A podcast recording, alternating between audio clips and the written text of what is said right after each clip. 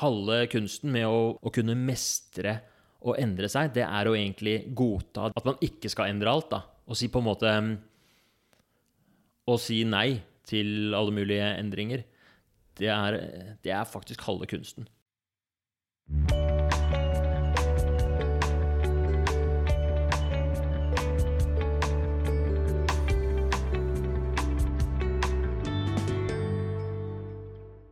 Hjertelig velkommen til podkasten 'Leger om livet'. Mitt navn er Anette, og jeg jobber som lege. Og denne podkasten er kommet til fordi jeg ønsker å spre kunnskap om kropp og sinn. Og eh, i dag skal vi snakke om atferd og endringer, og ja, litt om hvordan man kan bli motivert til å gjøre endringer.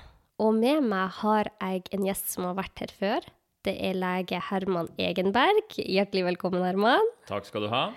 Herman, du er jo lege og har jobba på psykiatrisk avdeling.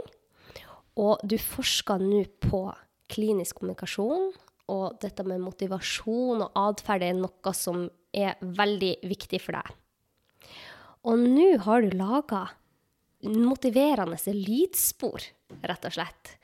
Og når du fortalte meg at det var det du driver med, så tenkte jeg ja, ja, det er jo hyggelig. Det veldig bra, Herman, at du gjør noe annet også. Du har jo mange jern i ilden. Men så hørte jeg på de lydsporene.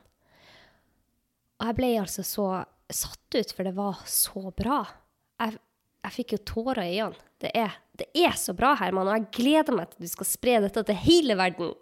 Så gøy. Jeg er så glad for at du, at du syns det var bra. Det er skikkelig bra. Og jeg tenkte at vi skulle starte denne episoden litt annerledes enn vi pleier. Med at vi rett og slett setter av fire minutter nå til å spille av ene lydsporet ditt, for at jeg vil så gjerne dele dette med mine lyttere. Herlig. Jeg kan kanskje fortelle litt, litt mer grundig, for nå skal vi sette på en sang som er en sånn refleksjonsøvelse.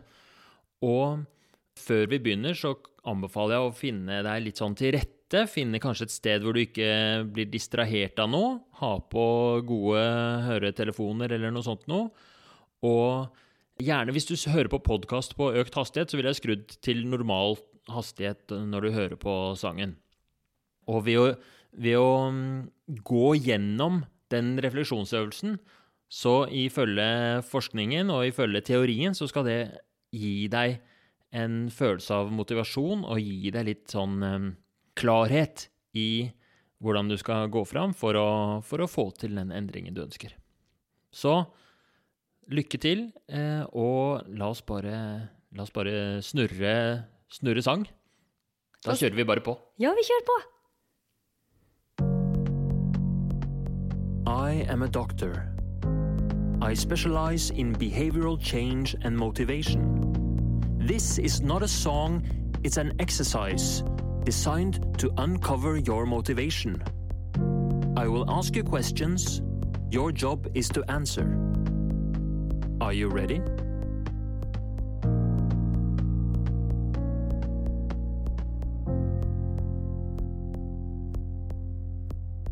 What do you want to change?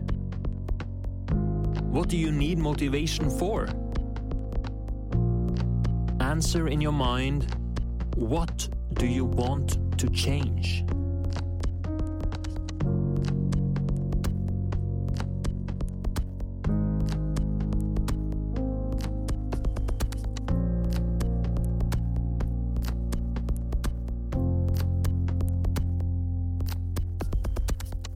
To uncover your motivation, it is helpful to explore your ambivalence. So let's start by finding out What's the cost of your goal? What is the cost of making a change?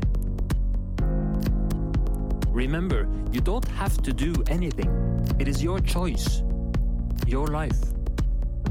So, what is the cost of making a change?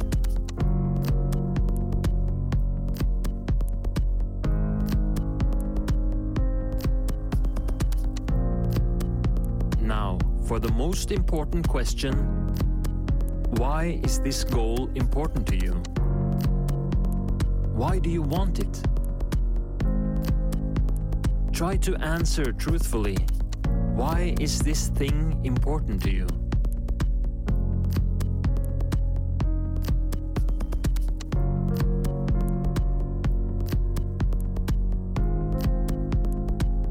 Now let's test your commitment. What are you willing to do to achieve your goal? What are you prepared to sacrifice? There are no wrong answers. What are you willing to do to achieve your goal?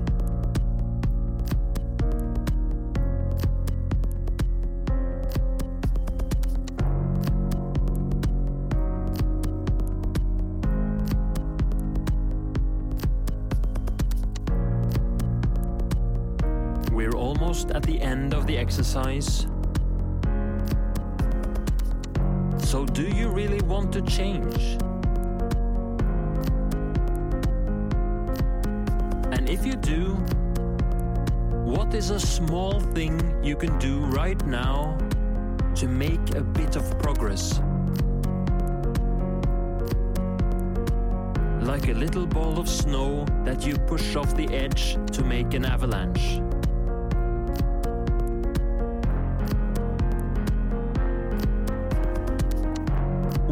Is a small thing you can do right now?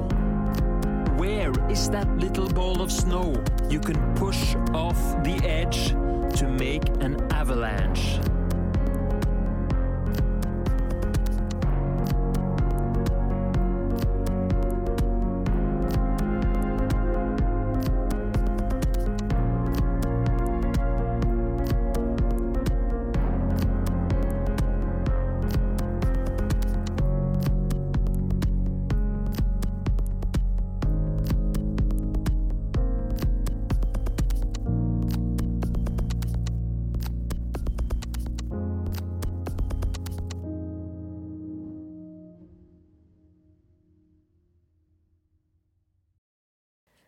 Dette er kraftfulle greier, Herman. Jo, takk. Eh, Det er jo litt meninga det, da. At det skal være Det, skal, det er jo det jeg håper å utrette med det. At det skal eh, være kraftfullt. Eller at det skal sette i gang noe hos eh, den som hører på. At det skal gi en eller annen motivasjon eller noe drivkraft til, eh, til et eller annet bra. For du har jo jobba med dette lenge, og du, har, du er jo blitt ekspert på motiverende intervju. Og der, i et motiverende intervju, kan ikke du fortelle litt hva det er? For det, du har jobba med Helsedirektoratet og laga podkast om dette, og du jobber jo med helsepersonell og hjelper både helsepersonell og vanlige folk i podkasten din, Ambivalens, med dette med endring og hvordan man kan motivere seg til å gjøre de endringene, og hvordan det kan bli varige endringer. Og det er jo noe vi alle ønsker. ikke sant? Det er jo, alle har, eller veldig mange av oss har i hvert fall noen ting de ønsker de kunne gjøre på en litt annen måte, eller motivere seg til å gjøre. Men det du prøver å komme fram med her, er hvordan man får det til å bli varige endringer. Kan ikke du fortelle litt om hva du ønsker å nå ut med? Ja, altså, det er, det er fint at du nevner motiverende intervju, for det er liksom min faglige bakgrunn. Og det som er utgangspunktet for den, eh, eller all den forskninga som er blitt gjort på det, det er jo at man gjerne vil hjelpe I starten så handla det om rus. Hvordan hjelper man pasienter med rusproblemer til å komme ut av det? Og gjort forskning på f.eks. hvordan er det best å, å hjelpe en alkoholiker til å drikke mindre. Og da viser det seg at jo mer man på en måte på en måte prøver å, å motivere i gåsetegn en som er alkoholiker til å drikke mindre, det, det, hjelper ikke så veldig. Det viser seg at det den personen trenger, det er ikke å bli fortalt gode råd, det er ikke å bli, bli fortalt livet ditt blir så mye bedre hvis du slutter å drikke. Det som hjelper, det som faktisk skaper noe motivasjon, det er hvis man stiller den personen spørsmål og utforsker hvorfor er det du drikker, hva er det som du får ut av det, hva er det du tenker du eh, taper på det, hva er det egentlig du vil, hva er dine verdier, hva, hvordan er det du ønsker å leve. Det, det å på en måte utforske og stille spørsmål og fremkalle motivasjonen istedenfor å på en måte Dytte det på dem. Dytte den på, ja. Ja. Så det er liksom eh, et utgangspunkt. Og så viser det seg eh, eh, altså Man lærer jo motiverende intervju på medisinstudiet, og sykepleiere, lærere, sosionomer, fysioterapeuter de, Alle helsepersonell lærer seg etter hvert det, og det er en kjempenyttig metode. Og så viser det seg at den er anvendelig i mye mer enn bare rus. At det viser seg at det det med å fremkalle motivasjon istedenfor å dytte det på folk, det er relevant i eh, alt av sånne levevaneendringer, om det handler om kosthold, trening og sånne ting, som man liksom har lyst til å motivere pasientene til å gjøre. Men det er også viktig i så mye mm, Altså i læring, og når jeg og du skal drive og mm, på en måte gjennomføre våre kreative prosjekter, så er det de samme mekanismene som spiller inn. At motivasjon kommer ikke fra Det kommer ikke Eller i hvert fall for at den skal være bærekraftig, den motivasjonen, at den skal være litt sånn vedvarende og solid i lengden, så må den, må den liksom dyrkes innenfra, da. Mm. Og du har jo brukt denne metoden på meg. Det har Jeg Jeg har jo vært gjest i din podkast der vi har snakka om dette med Eller var det min? Vi snakka om dette med at jeg hadde så lyst til å bli bedre på å si nei. Og, og da merka jeg jo veldig når du brukte den metoden, at du prøvde jo ikke å prakke på meg løsninger. Løsninga kom på en måte litt av seg selv mens vi snakka. Det er akkurat det at den blir fremkalt, ikke sant? Ja. At det, den eh, Det er en prosess som må skje inni deg. Eh, Det er ikke noe sånn at jeg kan, som du sa, gi deg løsninga. For det vil ikke, det vil ikke være så bærekraftig, da. Men med denne, eh, disse lydsporene eller musikken, eller jeg vet ikke hva man kan kalle det, men det du, du har laga fire sånne tracks. Ja, så Den vi hørte nå, den heter uh, Motivational Interview. Så jeg gjør det jo på engelsk, da, for jeg, jeg har jo um, Det fins ikke noe sted så fins det noe sånt som det her. Nei. Jeg har jo jo søkt. Jeg jo, skulle jo gjerne hatt det til min egen bruk, eh, ikke sant? Ja. Eller til å anbefale, men det fins ikke. Så da tenkte jeg jeg måtte lage det selv. Og hvorfor ikke da lage det til hele verden?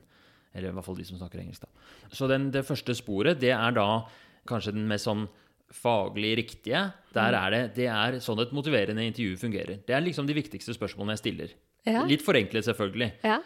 Og tanken er da at den som hører på, skal kunne liksom gå gjennom et slags motiverende intervju inn i hodet sitt med, med det sporet. Det vil jo selvfølgelig være Det er jo kort, det er jo fem minutter, og ja, det, altså, man kan hende at man trenger litt tid på seg eller høre den flere ganger, men tanken er at man skal prøve å, ved hjelp av den eh, sangen uh, først utforske litt sånn Hva er det egentlig jeg vil?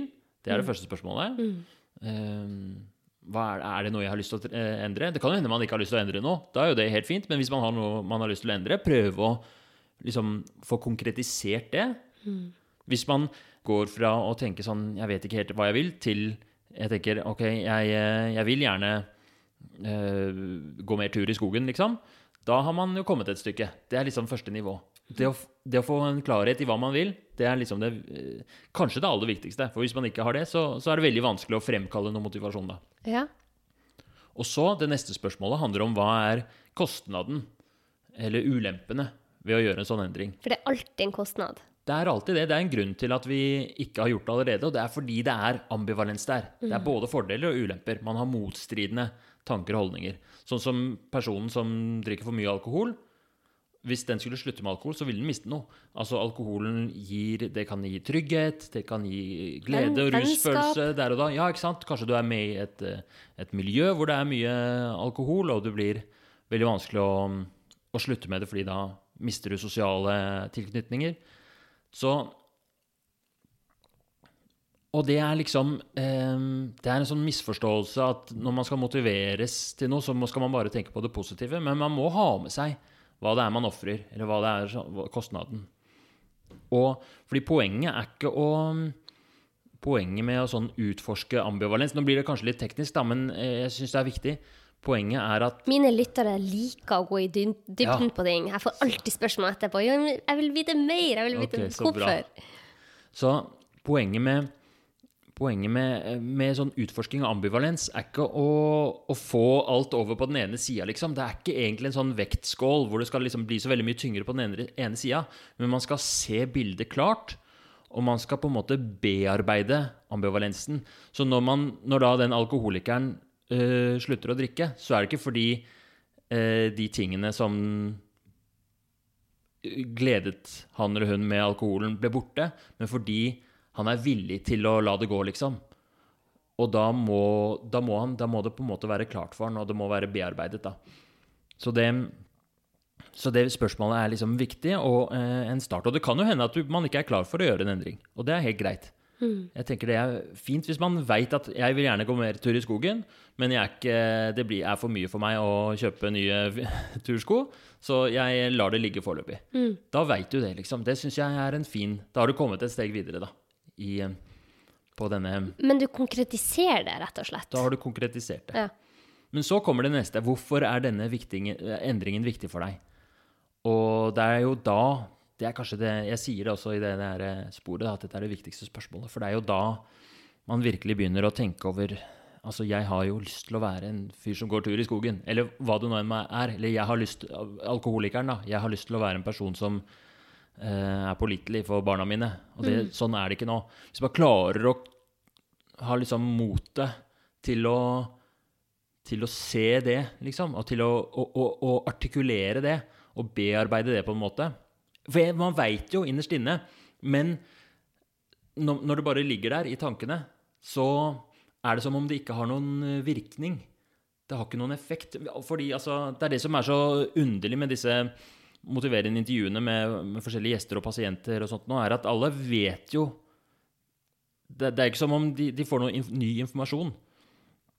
Men ved å artikulere og bearbeide det man allerede har i bakhuet, liksom, så, så skjer det noe, da. Den prosessen, det er det som skaper en motivasjon til å kanskje Vet du hva, nå skal jeg um, kjøpe tursko, eller nå skal jeg snakke med, gå på et anonym alkoholikermøte, eller altså Ja, hva det skulle vært. Ikke kona eller mannen eller barna som sier 'nå må du slutte å gjøre det', eller 'nå må du kjøpe deg tursko'.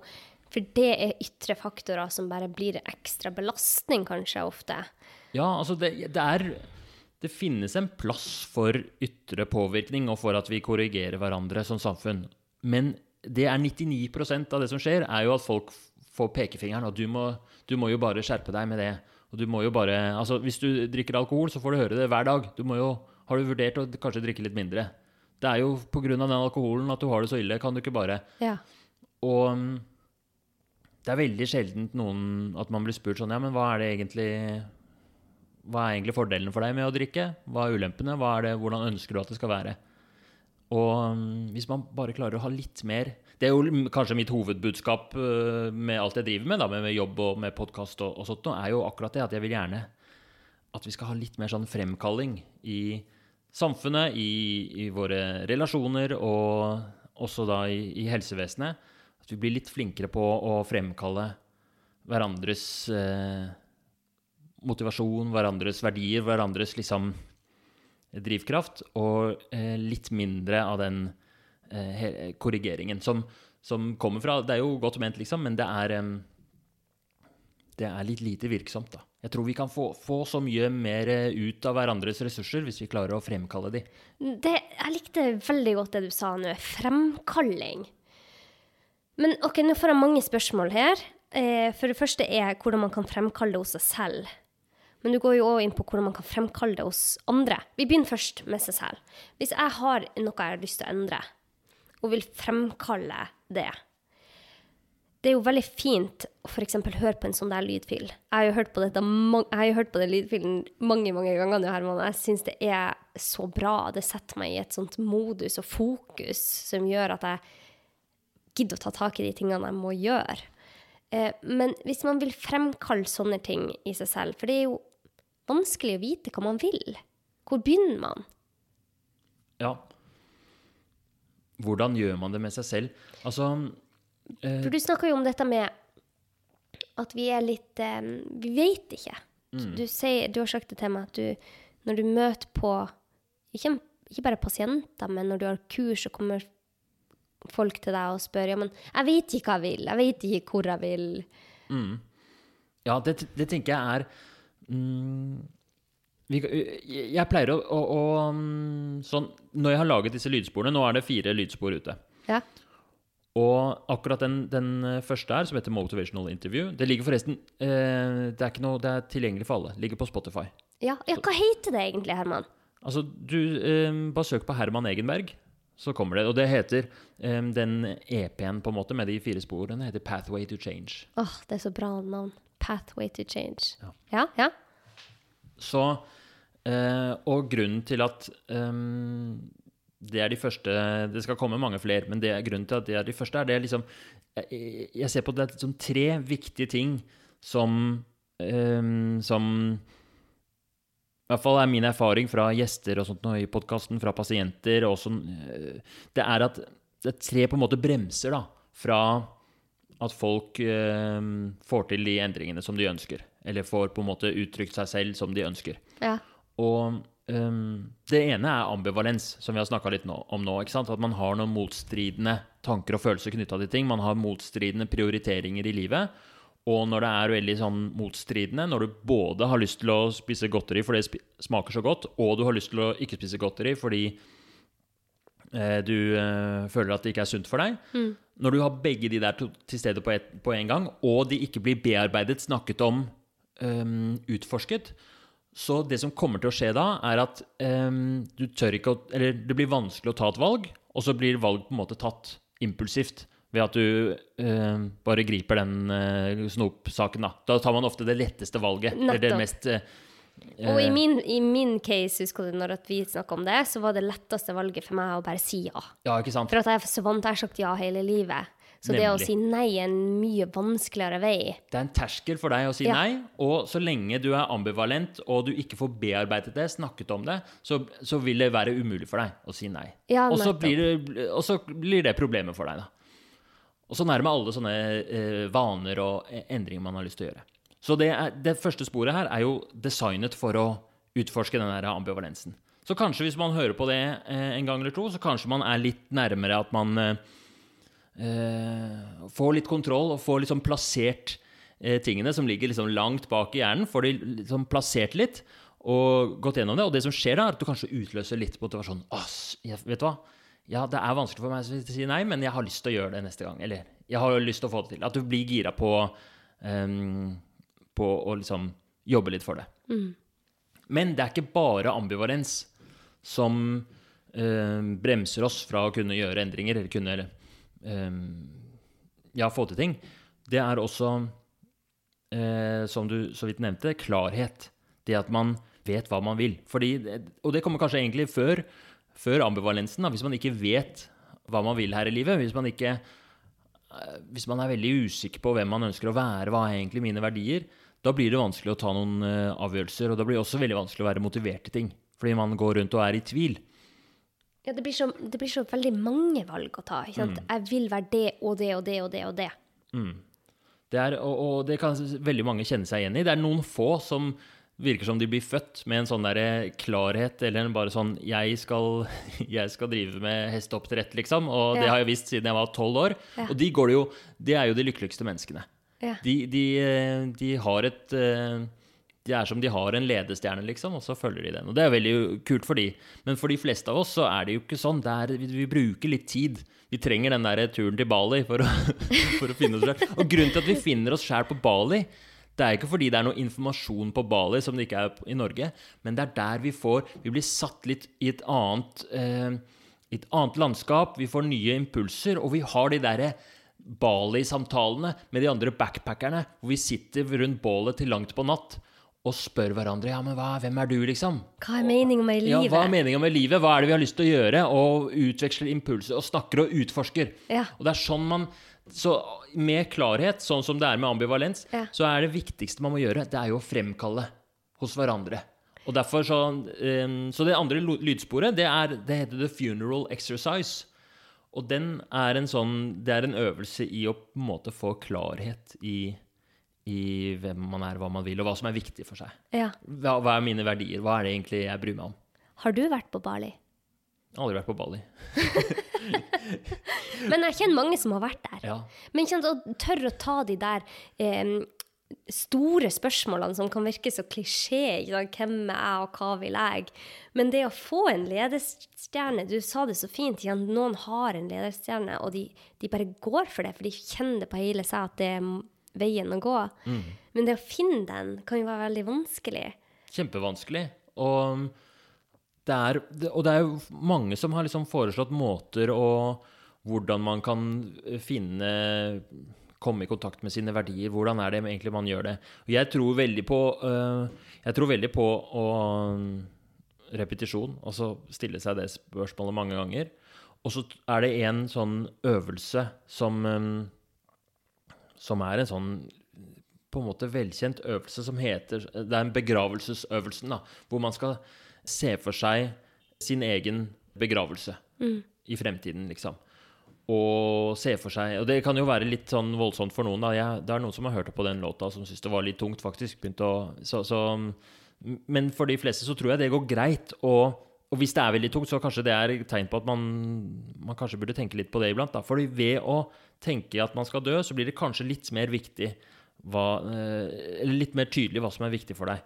Mm, som familie, for eksempel. Familie, for eksempel, Ja, sånn, er viktig for deg. Det begynte du å tenke på med en gang ja, ja, ja, det gjorde jeg.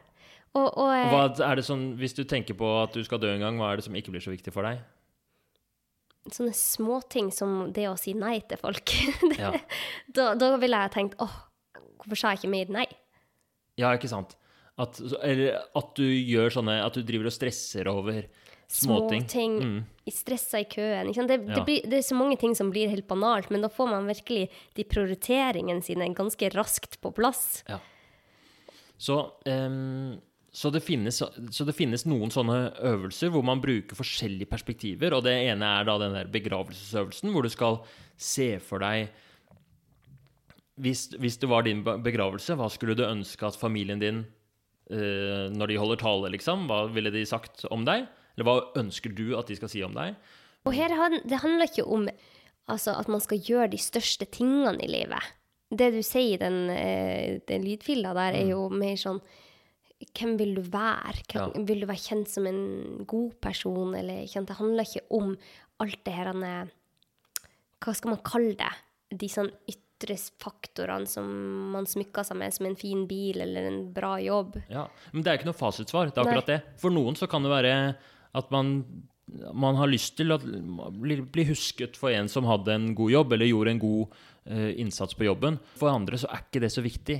Eh, de er ikke helt Altså Og det er nettopp det som, eh, som gjør at i dette tilfellet også er det ikke så viktig med informasjonen, liksom. Det er ikke det at folk Det finnes ikke noe fasitsvar på hva som er gode personlige verdier. Det er, det er noe man må utforske. Så, ja, så oppsummert, da. For å få mer klarhet, så er det én måte å bruke liksom døden som et perspektiv, som en slags eh, linse for hvordan man eh, ser på livet sitt. Da blir, da blir perspektivet på livet litt annerledes. Hvordan vil jeg, hvordan vil jeg bli husket, liksom? Hvordan, hva er det jeg har lyst til å utrette i løpet av dette livet? Hvordan vil jeg at mine nærmeste, mine venner, min familie, mine kollegaer, eh, mine pasienter, mine mm, altså tilfeldig fremmede som jeg møter på gata, hvordan vil jeg at de skal Hvordan vil jeg etterlate de? Og, og altså, det er vanskelig å gjøre alene, da, fordi når man sitter alene og, og hører på en podkast, så, så er man jo egentlig ikke så veldig aktiv. Man tar jo inn informasjonen. Så derfor så er jeg så, eh, så fan av å prøve å tilrettelegge for å ha, disse, ha sånne samtaler og, med hverandre. Ja. Så Eller skrive ned. man kan gjerne skrive det ned, men, men um, Og det, det syns jeg er kjempebra. Det gjør jo det mye. Så, så gjerne skriv det ned. Men det er et eller annet der med å, med å gjøre med noen andre. Det blir enda bedre da. Fordi da får man også bekreftelse fra hverandre. Man kan sparre hverandre litt. Man ser at man eh, kanskje er like på noen ting, og man er forskjellig på noen ting. Eh, Veldig fan av det. Men ja, jeg er også veldig fan av å Altså, jeg skriver så mye jeg, hver dag. Jeg har sånn derre en sånn notatapp jeg bruker, hvor jeg har en Jeg har en dagbok også, men jeg har også en som er bare sånn tankevandring, tankedumping, liksom, hvor det bare går På mange- mobilen din. Ja, på mobil, ja, det er, jeg bruker Simple Note. Det er sånn, for, fordi da har jeg det både på Men det fins jo mange notatapper og sånn, hvor du både er på PC-en oh. og på mobilen. godt tips, Herman. Ja. Ja, OK. Skriv ned. Ja? Ok, så vi har snakket om ambivalens. Vi har Ja. snakket om klarhet. Veldig bra. Dette her er sånn, Det at man er ambivalent og det at man er uklar, det er bremser. Så er det én ting til.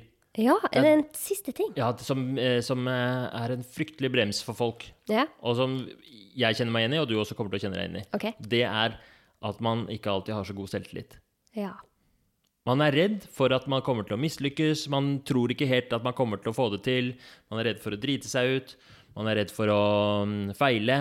Når, med en gang eh, man skal gjøre et eller annet som ikke har noe sånn garantert suksess, eller noe som man føler at dette her er jeg ikke noe god til, når man ikke har mestringsfølelse, da er det da er det Og det er det som ofte bremser de alkoholikerne, da, ikke sant? At de de, de, de, tror ikke at de kommer til å få det til. De klarer ikke å se for seg et liv uten alkoholen. De, de, de, det kommer ikke til å gå, liksom. Den derre mestringstroen ehm, er veldig lav.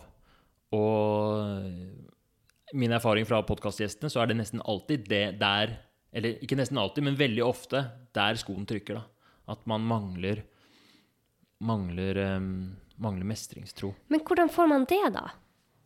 Ok, det er to eh, To eh, sånn, Tilbake til sånn fremkallingskonseptet, da. Ja. Så, så hjelper det jo da ikke å fortelle folk at 'dette klarer du'.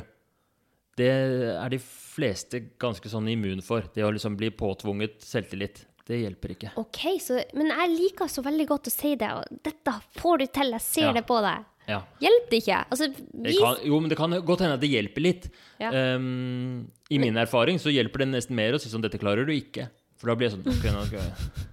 Men eh. Men, men, men det som faktisk eh, hjelper, og som man vet hjelper, og som det er forsket på, det er at eh, mestringstillit eh, Det kan også fremkalles. Og den vanligste måten vi gjør det på, er ved å snakke om eh, Eller spørre om hva er dine tidligere eh, Hva er det tid, altså tidligere vanskelige ting du har gått gjennom? Hvordan var det? Hva var det som var vanskelig med det? Hva gjorde du for å komme gjennom det? Ja.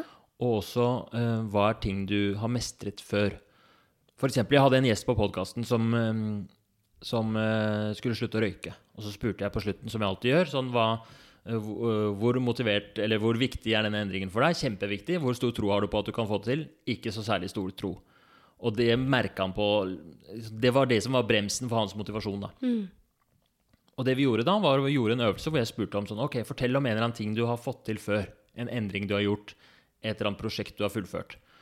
Og så måtte han tenke litt, og dette her var ting som lå langt på en måte bak i, i, i hodet. Liksom bak i bevisstheten. Man, og sånn er det for Det tror jeg er veldig vanlig at man har veldig langt fremme alle sine eh, fiaskoer. ja.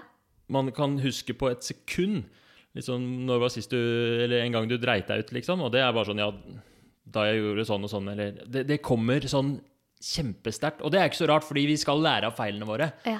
Men tar ofte litt tid og litt bearbeiding å, finne fram til ok, hva er det jeg har fått til, egentlig. Og så kom han på ok, jeg var ganske fornøyd med da vi satte opp garderobeskapet vårt. Et sånt, vi måtte eh, spesialtilpasse garderobeskap, for vi har skråtak på soverommet. Okay. Og det var noe sånn som jeg grua meg til lenge, sier han. Og han eh, syntes det var en veldig vanskelig oppgave. Og når det var gjort, så var han veldig fornøyd med det. Og så gikk vi gjennom bare, ok, hva var det som var vanskelig med det, hva var det dere gjorde, og gikk gjennom hele prosessen. Og ved å snakke seg gjennom den historien, en, på en måte en historie hvor han hadde mestret, og han fant ut at ok, ja, nei, det som eh, fungerte bra, var jo å delegere de oppgavene som ikke vi kunne gjøre selv. Det var veldig bra å, å sette ting opp i, i, i mindre steg, sånn at det ikke ble så overveldende. Og så var det fint å få hjelp av samboeren. Og så snakket han seg gjennom det, og hele tiden snakka seg litt ned, da, ikke sant? som er typisk at man gjør. Men når, vi da, når jeg da spurte etterpå «Øh, Ok, hva, hvilke ting med den historien eller hvilke strategier som du brukte, eller kan du kanskje nå anvende på røykeslutten? Og så tenkte han litt, og så Å ja, men jeg kan jo faktisk eh, involvere samboeren min litt på forskjellige måter. Jeg kan spørre om profesjonell hjelp til det jeg ikke får til. Eh, for eksempel så kan jeg dra til fastlegen og få henvisning på røykeplaster, sånne ting. Um, og jeg kan stykke det opp i mindre eh, biter, sånn at jeg har sluttedato da, men jeg har, i den datoen før det så skal jeg eh, trappe ned så og så mye, og den datoen der så skal jeg gjøre sånn og sånn. Og ved å ved å på en måte bruke sin egen mestringshistorie som, Han hadde jo den fra før. Ja. Det var ikke noe nytt, liksom. Ja. Men ved å ta den fram, reflektere litt over den, utforske den, og så på en måte bruke den, så fikk han pl plutselig økt mestringstro. Så hvis, så hvis jeg har en eh, person i livet mitt, f.eks., som jeg tenker åh, de har så mye potensial, de har så mye bra å komme med, så istedenfor å si 'Å, men dette klarer du, du får det til', så kan jeg heller si sånn 'Du, eh, Hermine'. Sist gang du eh, gjorde det og det, prøv å få fram et minne der de mestra noe. Ja. Kan ikke vi snakke om det litt? Og så, når de får snakke om det, så vil de føle en sånn mestringsfølelse, så da kan vi ta over. Men du fikk jo til det der. Du har eksamen om 14 dager. Hva kan vi gjøre sånn at du får det til? På, kan bruke de verktøyene du brukte da, til dette? Ja, det tror jeg. jeg det, det, jeg har veldig tro på det. En ting som er viktig, det er at eh, alt som har med eh, motivasjon og også dette med å skape mestring hos folk, eh, det, er, det må være på vedkommendes premisser. Ja. Så, så det hjelper ikke å på en måte For den tabben har jeg altså gjort, at jeg har prøvd å lure inn motiverende intervju der hvor Til folk som jeg føler trenger det, ikke sant? Ja. Um, så en sånn samtale må starte med uh, um, at begge er enige om at ok, kanskje jeg har litt dårlig mestringstillit, og så ok, jeg, jeg vet om en, en, um, en øvelse som visstnok skal hjelpe med det. Ja. Har du lyst til at vi skal gjøre det? ja. Hva tenker du om det? Og så, ja, det har jeg lyst til. Da kan man sette i gang. Så det er bare faren er at man begynner å lure inn disse nu, teknikkene, liksom. Men nå kommer jeg på en gang du gjorde det der med meg, Herman. Ja, ja, ja. For jeg husker en gang jeg kom inn her. Jeg vet ikke om vi skulle spille inn en podkast. Og så var jeg så nedfor. Liksom. Det var så mange valg jeg sto overfor, og det, var, det føltes ut som alt var så overveldende, alt jeg skulle gjøre og få til. Og plutselig så hadde jeg mista all den der selvtilliten. Og så istedenfor å bare si sånn Men Anette, se, du får til alt, og alt blir bra, så husker jeg du sa, sa Nå skal vi sette oss ned her i sofaen, Anette. Så skal vi skrive ned. Hva er det du faktisk får til? Husker du det? Ja, jeg, jeg, husker, jeg prøver å huske på om, jeg, om, om jeg lurte det inn, eller om jeg, Nei, nei, det var en veldig fin måte du gjorde det på, for jeg ble Ja. i hvert fall veldig gira. Og så skrev vi ned sånn familie, og da skulle jeg liksom rate det hva jeg syns jeg Og da tenkte jeg ja, men jeg er jo faktisk en veldig Ja, god mor. Stemmer, nå husker jeg det. Ja, Ja. nå husker jeg det. Jeg er jo faktisk en god mor. Og så var det podkasten. Ja, jeg liker jo veldig godt den podkasten. Jeg føler jeg får det til. Og, og så fikk du plutselig meg til å innse at jeg fikk jo til ganske mye her i verden. Man Og, blir så inn, innelåst på det der eh, man ikke får til. Ja. Og det er det som ofte skjer når du får en beskjed Ja, men du får til masse. Og så blir man eh, Er det som om Fordi hjernen vår er skapt for samtale, for debatt. Ja. Det, er, det, er det, det er det den er trent til, liksom. Så når noen sier 'ja, men du får det jo til', så får du lyst til tilbake 'ja, men jeg får jo ikke til dette her og dette her'. nettopp! Det er det vi gjør. Mm. Vi Hvis- blir sånne derre debattanter. Ja. Så når man bare får positivitet utenfra, så er det lett for at man, den negativiteten vokser hos seg selv. Ja, og du fikk du, Det var ikke du som sa det til meg. Det var jeg som sa til deg hva jeg fikk til. ikke sant? Ja, ikke sant? Det Du bare fremkalt. spurte meg om du, du spurte meg sikkert om de tingene du så jeg mestra, da. men da bare Å ja, vet du hva. OK, det er mange ting jeg skal gjøre nå fremover, men det her skal jeg få til. Den følelsen fikk jeg i hvert Mm. fall etter å gå ut av den samtalen med deg. Var det motiverende? For én ting er om eh, I hvert fall det, I teorien så skal det jo være veldig motiverende å få økt mestringstillit. Ja, veldig motiverende. I hvert fall for min del. Eh, men du har jo en sånn magic touch i dine samtaler, for du er jo helt rå på dette, Herman. Men jeg husker jeg gikk ut av den samtalen og tenkte Hvorfor var jeg så nedfor? Altså, det her mestrer jeg jo.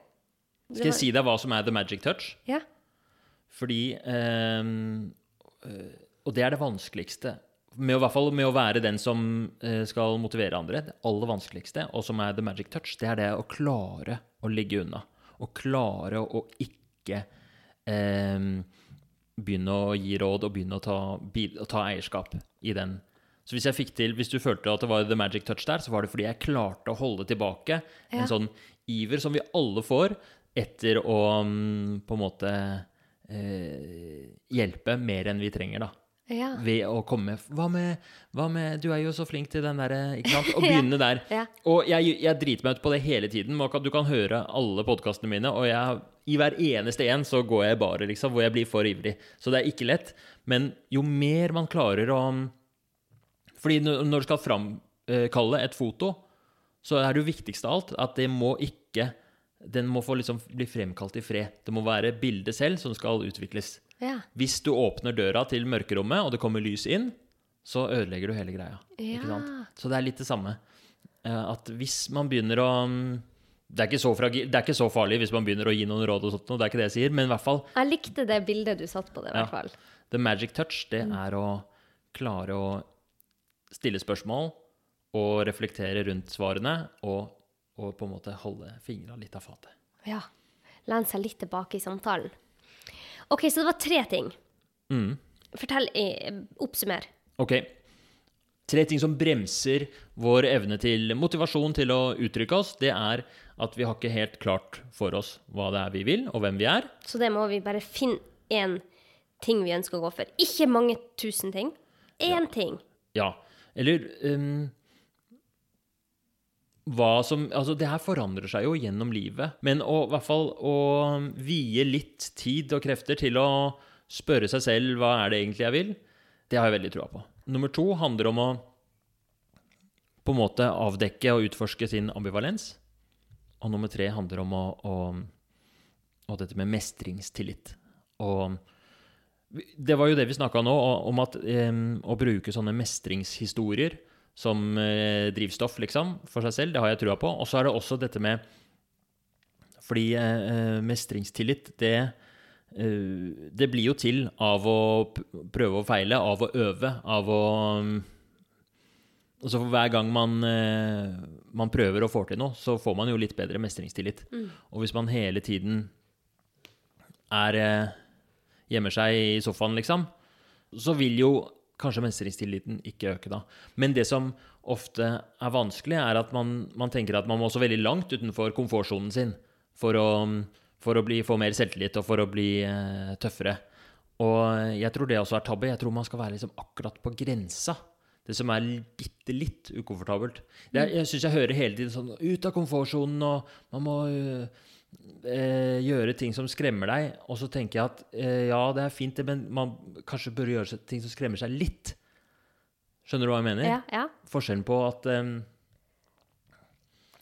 eh, For det er lett å si liksom gjør ting som skremmer deg, men man, det, er, det er en grunn til at det skremmer deg, liksom.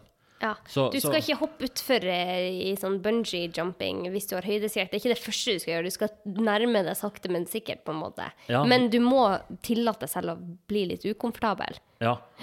Så det vi, når, når, eh, vi i medisinen, når vi behandler folk som har sånne uh, komfortsonesykdommer, liksom, altså forskjellige fobier og sånt noe, så um, så er det jo, hvis det er en med edderkoppfobi, så er det jo ikke sånn at vi vi klasker en tarantella i hånda på dem med en gang. ikke sant? Vi starter jo enkelt. starter med, Kan du tegne en edderkopp? Ja. Kan du eh, beskrive hvordan en edderkopp ser ut? Og så kan du se på et bilde av en edderkopp. Og så er det hele tiden fokus på at man i tillegg til at man pusher sin komfortsone litt, så, så er man jo også sørger for man å skape en trygg ramme. da. Sånn at hvis man er i en konsultasjon og skal hjelpe noen med, med en eller annen fobi, så tar man hele tiden og sier at hvis, og på en måte trener opp eller øver på at man også sier stopp når det blir for ukomfortabelt. Sånn at hvis pasienten skal lære seg Hvis jeg kommer med en edderkopp, da, ikke sant? Pasienten sier nei, nå vil jeg ikke. Så, så tar jeg og fjerner edderkoppen igjen. De skal føle mestring i hvert ledd. De skal føle mestring i hvert ledd, og skal føle seg trygg i hvert ledd. Og de skal til og med øve på det og si sånn Nei, nå ble det for mye. Sånn at man har liksom innarbeida det. Sånn at jeg skal komme med en, en ting som ikke er skummel i det hele tatt. Med en liten lekepusekatt. Og så skal de si nei, nå ble det for mye, og så skal jeg gå ut. Og så skal man gjøre det et par ganger for å liksom trent på det og virkelig etablert en sånn skikkelig trygg ramme. Og hele liksom, poenget er i hvert fall eh, Ja vel, fint å være utenfor komfortsonen, men når man virkelig skal skape endringer og skal øke sin mestringstillit, så er det liksom litt utenfor, da. For vi vil jo at dette her skal skje igjen og igjen og igjen. Ja. Og når eh, en eller annen eh, Når man går for langt da, og begynner, hopper i bungee, altså strikkhopp eller et eller annet, Ja. før man er klar for det, så kommer man jo aldri til å gjøre det igjen. Nettopp. Det er veldig interessant. Så nå har vi snakka litt om dette med å eh, finne en eh, Finne ut hva man ønsker å endre, og så ta det stegvis, ikke sant? Så man faktisk eh, klarer å stå i det.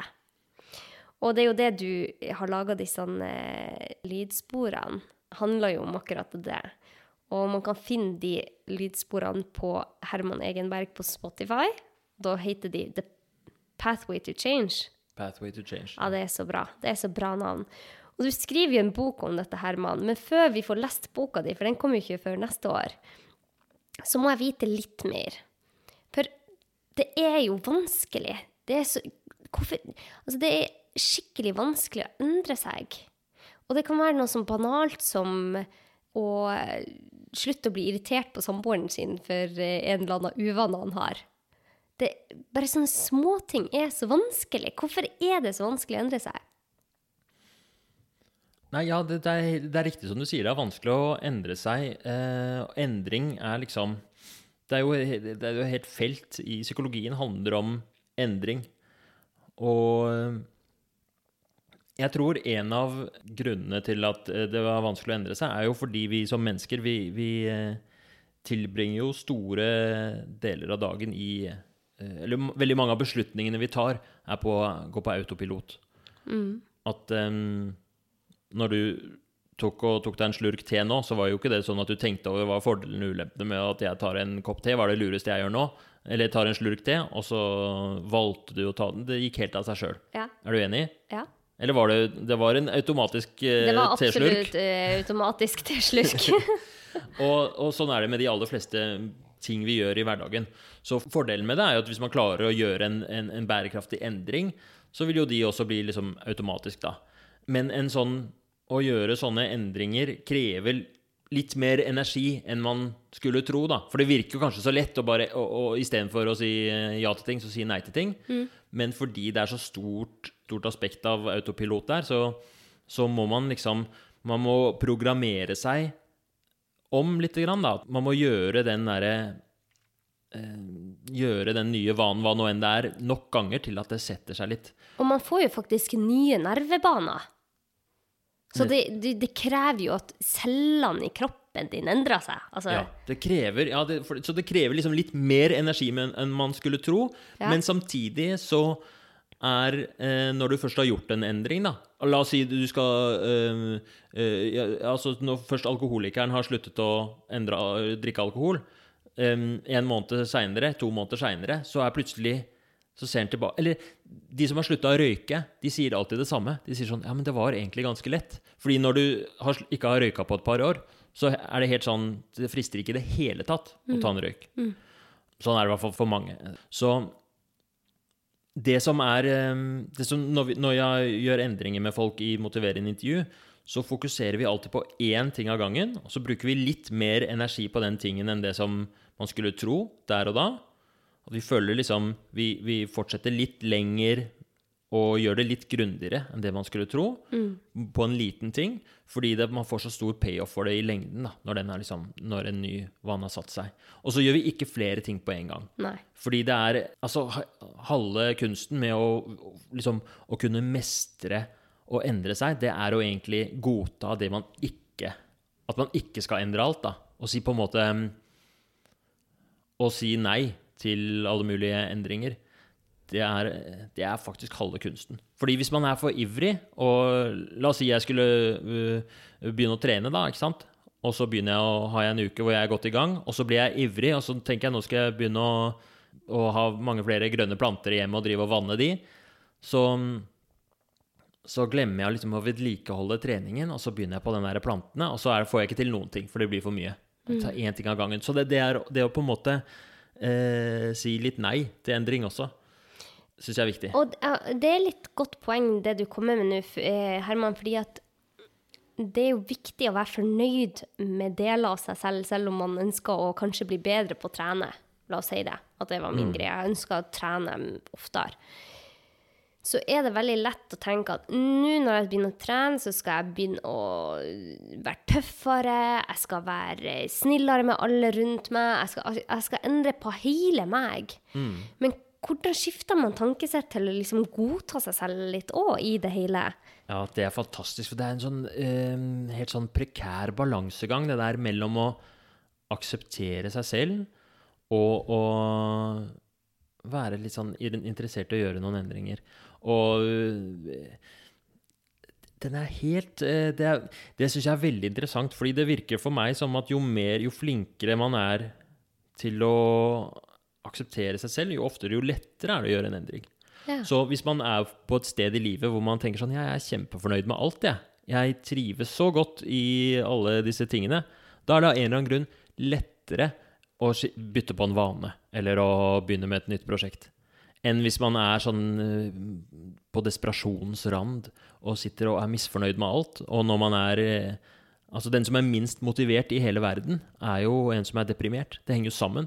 At mm. eh, Et symptom på depresjon er jo at du mangler motivasjon. Og det er jo litt rart, for når du er deprimert, så er du misfornøyd med alt. Altså Hele verden virker uh, mørk, og du, selvbildet ditt er som, et, som et støvkorn. Ja. Og, men du har null motivasjon til å gjøre noe som helst med det. Du klarer ikke å stå på senga engang. Tror du det er for at det blir for mange ting, rett og slett? I en depresjon så, så, så er jo um, I en alvorlig klinisk depresjon så er det jo uh, hjernen i en sånn tilstand som, hvor den ikke fungerer som den skal. Mm. Eller som den skal, er jo kanskje Men den fungerer på en helt annen måte enn når du ikke er deprimert. Mm. At, um, Man vil jo helst ikke være deprimert. Definitivt ikke. Definitivt ikke. Uh, det er veldig smertefullt å være deprimert når man er eh, deprimert, så har man jo i hvert fall Det som er helt tydelig, er at du har den der manglende aksepten. Du stritter imot alt ved deg selv og ved verden og ved alle andre. Alt er feil. Og den tilstanden der er ikke forenlig med å være motivert og få ideer og være gira på å gjøre endringer. Så det motsatte, hvis man, klar, hvis man er de som er veldig eh, tilfreds og trygge på seg selv og eh, ser lys på livet, er ofte de som klarer å gjøre endringer eller å gjennomføre store prosjekter. Men hvordan kommer man dit, da, Herman? For det er jo eh, det er jo vanskelig, det òg. Å være fornøyd med seg selv i å stå i det som er livet. Livet skjer, og det er mange ting som man sikkert kan bli bedre på. Hvordan får man den der følelsen at ja, vet du hva, jeg har skikkelig lyst til å slutte å røyke, men jeg er faktisk veldig fornøyd med meg selv. Jeg er et godt menneske, jeg har det bra med vennene mine, og ja, selv om jeg røyker, så er jeg jo tross alt um, flink i jobben min. At man får den der mindsettet. Mm. har du noen triks her? Oh, triks for uh, Du leter etter triks for å være lykkelig? Er det ja. det du spør meg om, Anette? Gi meg det beste du har her. Jo, men altså, det er um, Jeg har to ting. For det første så har jeg i dette tilfellet også trua på fremkalling heller enn korrigering. Altså at Og fremkalling, det handler jo det, det, Man kan se på det både for seg selv og for andre. At hvis man Sånn som det der bildet som skal fremkalles inne på mørkerommet. Så den, det at folk skal få en sånn tilfreds følelse hos seg selv, eller hvis du selv skal få det, så må man på en måte ha en slags tillit til at det kommer av seg sjøl. Mm. Så en slags fingrene av fatet-approach lite grann. Skjønner du litt jeg, hvor jeg vil med det? At, at um, hvis man uh, Det er noen sånne metaforer for lykke. Hvis man prøver å gripe lykken veldig hardt, mm. så forsvinner den ut mellom fingrene. Det er som, uh, lykke er som uh, Et eller annet som man, hvis man griper det som, Kanskje sand? Ja, ja, ja, ikke sant? Med en gang man Nemlig. Så det å fremkalle i denne sammenhengen handler mer om å liksom legge tingene til rette for at uh, man kan ha et lykkelig liv, og så prøve å ikke tvinge lykken fram, da. Og en annen det som jeg, Fordi jeg syns selv at jeg har ganske svingende humør og stemningsleie. Jeg kan være ganske langt nede og bli veldig det, Sånn har det alltid vært, liksom. Og så kan jeg være høyt oppe. Og det som, jo mer nede jeg er, det som hjelper for meg, er å i større og større grad korte ned. Altså, hvis jeg er litt uh, trist og nedfor, så tar jeg én dag av gangen. Mm. Og hvis jeg er skikkelig down and under, så tar jeg et kvarter av gangen. Og ved å på en måte Og hva gjør du da? Hva, hva gjør at du kommer deg opp igjen? For du, altså, når du sier det, Herman, så blir jeg ikke sant, jeg tenker, Du er jo en fyr som får til alt. Du skriver bok, du lager motiverende musikk, du forsker. Du er helt rå på eh, motiverende eh, motivasjon. Helsedirektoratet har headhunta deg til å holde kurs om det her. Ikke sant? Du er en mann som får til helt vanvittig mye. Og så sier du at ja, men jeg kan òg være langt nede. Og jeg tror det er veldig fint å, at man kan si det, fordi at vi alle har tider der vi er langt nede.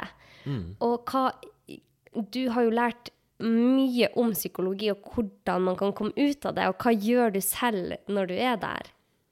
Ja, altså det, det som uh, har vært den store utfordringa for meg på det der, er at um, jeg er jo typen til å være veldig ivrig til å, mm, til å fikse ting når det er galt.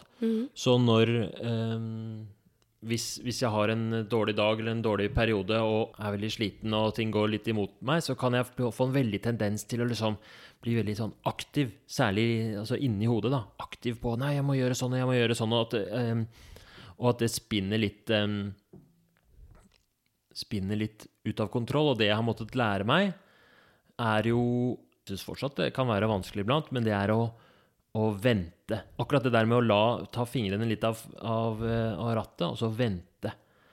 Og, og gi det tid. Fordi i min erfaring så går det alltid over. Og jeg, men, men der og da, altså når jeg har en sånn tung dag, så, så er det som om eh, Så klarer jeg ikke å huske hvordan det var å være i, på eh, normalt stemningsleie igjen, ikke sant? Jeg bare jeg, jeg syns jeg har blitt mye flinkere til det, å, å vente. Og istedenfor å prøve å liksom fikse alt, så tar jeg gjerne og mm, jeg, jeg skriver ned tanker og sånn, og tenker bare nå skal jeg bare skrive så mange ord som mulig, liksom. Og det skal ikke leses av noen som helst, ikke engang av meg sjæl, men jeg skal bare eh, få tingene på papiret. Det liker jeg veldig godt. Ja. Og, mm, og så har jeg også blitt mye flinkere til å mm, Fordi min, eh, min, eh, min Hvis jeg er trist eller eh, Eller eh, Demotivert. demotivert eller deppa eller eh, ute av meg på en eller annen måte, så er det siste jeg vil, det er å snakke med noen, egentlig. Ja. Jeg har bare lyst til å gjemme meg innerst i sofaen, liksom. Eh, og Men hver gang jeg, jeg tør å, å ringe til noen, da, Ja. en god venn eller eh, til kjæresten min eller hvem som helst, så blir det jo Så blir det jo bedre. Det hjelper. Så tiden fra jeg er som har det tungt, til, eh, til jeg ringer noen, den har gått nedover og nedover de siste årene, liksom. Ja, så du, du er blitt bedre på å ta og gjøre de tiltakene som du vet fungerer. Og man vet at det å snakke med noen Ja. hjelper på. Det som, ja, det som funker for meg. Og det, men det som har endra seg litt i det siste, er at nå ser jeg ikke på det lenger som noe som jeg gjør for å fikse det. Jeg ser heller på det som noe som jeg gjør Det er nesten som en sånn der vane blitt. da. At, ok, nå, nå har jeg sånn tung dag. Da, ok, da må jeg ringe og snakke om det med, med Kristin, og så er det jobben min, liksom. Men jeg gjør det ikke fordi ja, jeg, jeg har blitt flinkere til å liksom ikke stritte mot den der eh, tilstanden hvor jeg er sånn ikke vil gjøre så mye, ser litt mørkt på livet, er veldig kritisk, og, og bare tenke at den, det er greit at den er der, og så heller Jeg kan gjerne fortelle om den, og sånt, noe, men det er ikke for å behandle den, det er ikke for å fjerne den, liksom. Nei, du aksepterer det. Du sier det er greit sånn som jeg har Ja. det nå. Ja, Ja. skjønner. Så, men um, så, I hvert fall sånn er det for meg, da. Og jeg, det som eh, mine, mine sånne humørsvingninger er veldig raske. Det går veldig fort. Jeg har aldri vært sånn deprimert sånn som vi lærer i, i, på skolen, liksom. At det skal vare i, i måneder. Jeg, har- jeg, jeg har knapt hatt, hatt et stemningsleie som har vart mer enn et par dager, liksom. Det er veldig svingende. Og det er lenge siden det har vært sånn Det var, det var eh, Altså, de gangene hvor det har vært eh, på det mørkeste, det har jo vært i perioder hvor, eh, hvor uh, ting i livet mitt ikke har vært uh, sånn som det skal. Altså, jeg hadde en jobb hvor jeg uh, som jeg, da, det var liksom, da var det at jeg trengte å finne ut av ting da, som måtte endres. Og i, to ganger har det vært, og i begge til, gangene så har det liksom med en gang jeg slutta i den jobben jeg hadde da, så ble det bedre, liksom. Ja, at du kjente på deg hva som måtte endres. Men Ja. det er jo òg veldig vanskelig, ikke sant? Ja. Så eh, det å Det at du skriver ned, det gjør jeg òg. Og det er noe rart med det. Men bare skriv ting ned som du vet du, verken du eller den andre skal lese. Mm. Det er rart, men det, det virker, liksom. Ja, men det er et eller annet med at tankene, når de er inni hodet, så er de sånn 2% virkningsfulle. Altså når du Prosessen av å skrive, så blir de plutselig 40% virkningsfulle. Og prosessen av å snakke med noen, så i hvert fall hvis det er en, eh, en lyttende samtalepartner som ikke tar for mye styring liksom, så Ja. blir det plutselig 100 da. Ja, man må finne seg en av de. Ja. Jeg har jo funnet meg deg, Herman. Ja, jeg ringer deg når, når jeg tenker 'Å, fader, altså får jeg til dette?' eller 'Nei, nå får jeg ikke til noe'. Så ringer jeg deg, for du holder deg litt sånn i bakgrunnen, og så bare hører du på. Og så eh, blir det bare en bra samtale, og jeg føler meg lettere. Men han Ingvar Wilhelmsen sa jo òg det der at de, de tankene man har i hodet, virker så fornuftig og så rett. Og så skal du si det, når du sier det høyt, så skjønner du ok, det var kanskje ikke noe i det der. Ja. Det der, det høres jo helt feil og rart ut når jeg sier det høyt. Eller som han sa, det høres helt sykt ut når, når du sier det høyt. Du får et annet perspektiv. Mm. Herman, jeg syns det har vært en skikkelig, skikkelig bra samtale. Du har de sånn sangene som kom, nettopp kom ut, og jeg anbefaler dem varmt. Jeg bruker ikke å anbefale noe i denne podkasten som ikke jeg har trua på, eller som jeg føler virkelig er bra. Men de der eh, fire tracksene du har ute nå, de håper jeg går verden rundt, for det er kjempebra. Og det endrer mitt stemningsleie på noen minutter. Og det tror jeg det gjør for veldig mange andre. Men før vi legger på i dag, Herman, så ønsker jeg å spørre Er det noe mer vi- skal få fram? Og spørsmål nummer to Hva er ditt beste tips i dag for å få det bedre i livet? Mitt beste tips det er at eh, de som hører på, kan eh, ha som lekse å ta med seg det derre fremkallingskonseptet. Og se hva det har å by på. Både hvis du prøver å fremkalle noen andre, virkelig finne noen som eh, du er litt nysgjerrig på, og virkelig på en måte utforske hva er det som skjer hos den personen. Hva slags eh, hva slags drømmer og hva slags verdier og hva slags eh, drivkraft er det som ligger der. Og også mm, la deg selv bli fremkalt, hvis du får sjansen til det. Spennende. Veldig bra. Og så hør på de der eh, tracksene, da. Ja, ja, ja. Det, altså, det er jo ikke annet Det er jo mitt aller beste tips. Hør på de ti ganger. Ja, men altså, jeg, blir, jeg syns de er så bra, så jeg hører på de titt og ofte, jeg, Herman. Nei, men tusen takk for at du ble med i dag. Og hvor kan mine lyttere finne deg? Nei, fra, fra nå av så finnes jeg på Spotify.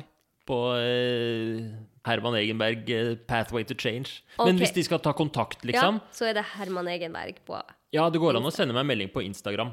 Så jeg er veldig interessert i det, faktisk. At folk, eh, hvis folk sender meg en melding der, så om, om de har noen tilbakemeldinger til de sangene, eller om de har fått noen Ja, hva de syns om det, er jeg kjempespent på å høre. Så det må de gjerne gjøre. Så bra.